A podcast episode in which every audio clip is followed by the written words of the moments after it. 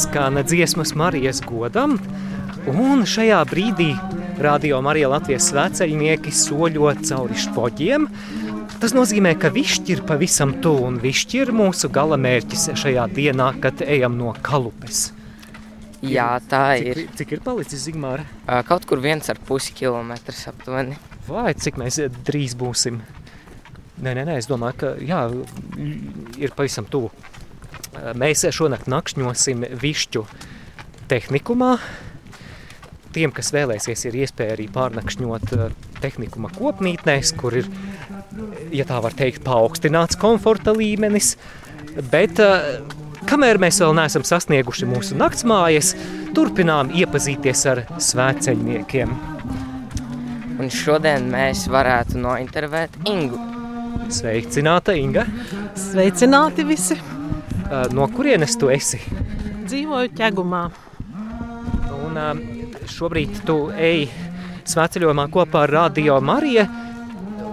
Vai šis ir tavs pirmais svētceļojums? Otrais. Otrais. Mhm. Jā.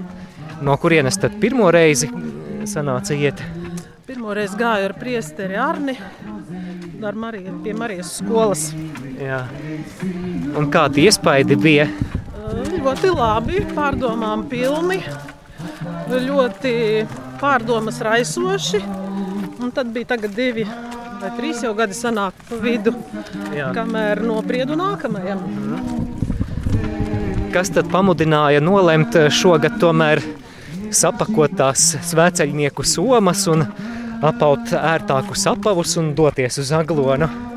Tā godīgi sakot, mana 14-gadīgā meita, kurai gribēja piedāvāt šo iespēju ar jaunākiem cilvēkiem, ar ļoti cerību, ka pirmā pieredze viņai būs pozitīva, iedvesmojoša, jo, kā teikt, tiesai sēklu pārējo Dievs darīs. Jā. Nu, tā. Kā jūs uzzinājāt par Radio Mariju? Uh, otra Inga teica, ka ies, un teica, ka ies viņas jaunieši, un tad es sapratu, jā, tas būs īstā vieta, kur šogad doties. Šajā svētceļojumā, ja nemaldos, ar meitu pievienojies mazliet vēlāk, tātad ne no pirmās dienas, vai ne? Es neatceros, kurā posmā tas bija. Mēs pievienojāmies 6. datumā. Tad, kad jūs jau bijāt, kā saka, sešas dienas veikuši ceļu, tur dažādu apstākļu dēļ. Bet domāju, ka šis posms, kas mums ir atlicis priekš, priekš šī ceļojuma, arī būs optimālais. Protams, un uh, tomēr jau arī vairākas dienas ir iets kopā ar šo grupu, un noteikti arī kādi iespaidi, kādas pārdomas vai sajūtas ir uzkrājušās. Kā klājas šajā svētceļojumā, un kas līdz šim ir visvairāk ir uzrunājis vai paticis? Nu, laikam tā ļoti punktualitāte, kas te jāievēro sakarā ar ētera laikiem. Mm, Interesanti ir vērot jauniešus, jaunus cilvēkus, arī saka, vīriešu kārtas pārstāvis daudz, uh, kas tā kā priecē. Ļoti tādi priecīgi, pārliecināti, ar humora pilni. Tas tā patīkami. Ā, Vai sveceļojums tavuprāt ir tāds kā sevis pārbaudījums? Es domāju, ka pārbaudījums noteikti, bet vairāk jau man tas ir tāds emocionāls pārdomu gājiens, kā teikt, pielikt kungam pie krusta lietas, ko labāk tur atstāt, Jā. nekā pašam līdzi vilkt. Mums eh, svētceļojumā ir noteikts eh, svētceļojuma ritms, eh, režīms. Mēs iesākam dienas gājienu ar stundu dziesmiņām, tad ir slavēšana, vēlāk arī dienas laikā rožu kronis, katehēze, klusā stunda. Kas no tā visa pašai visvairāk patīk? Klusā stunda. Kāpēc? Tādēļ, ka es esmu 25 gadi vairāk nostrādājis ar cilvēkiem. Un ļoti, ļoti patīk pašai pabūt ar sevi, ar domām, nu, protams, ar kunga klātbūtni.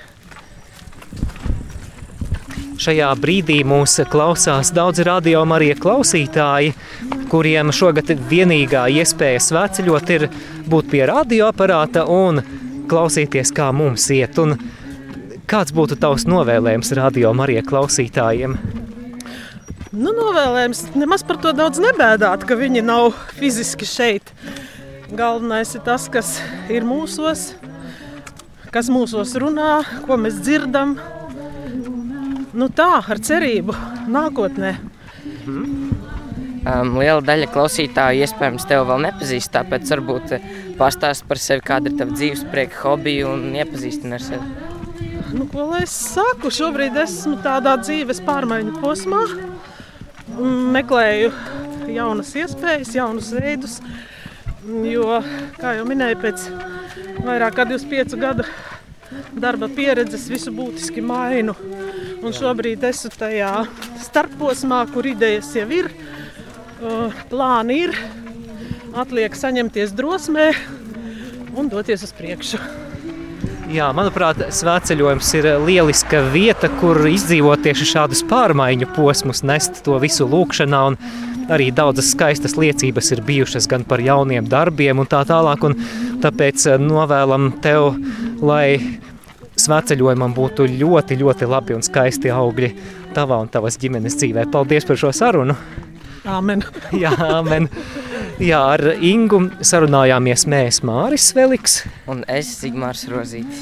Un tuvojamies arī višķu tehnikumam. Paldies, mīļo klausītāji, par kopā būšanu. Atgādinām arī par svētceļojuma programmu Radio Marija ēterā.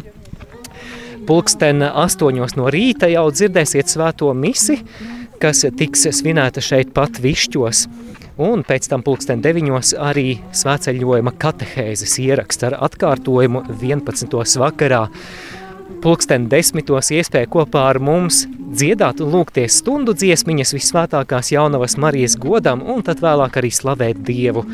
No pulksten 11. arī šīs dienas reportāžu atkārtojumi, un kad mums vien ir iespēja pieslēgties internetam, tad arī pulksten 12. un pulksten 15. 15. ejam tiešraidē, lai lūgtos gan kunga eņģeļa lūkšanu, gan žēlsirdības kronīti.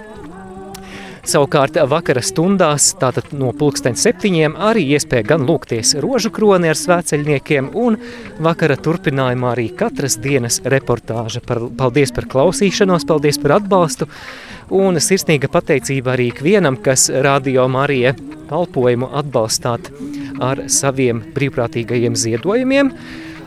Un arī sirsnīgs atgādinājums radio Marija klausītājiem, kas ieradīsieties uz svētkiem Aglonā, ka 14. augustā pirms tautas krustaceļa pulksten astoņos pulcējamies pie radio Marija telts. Telts, kas atradīsies labajā pusē no bazilikas, un tā būs iespēja arī satikties, iepazīties vien, vienam ar otru un sajust to, ka mūsu patiesībā ir daudz.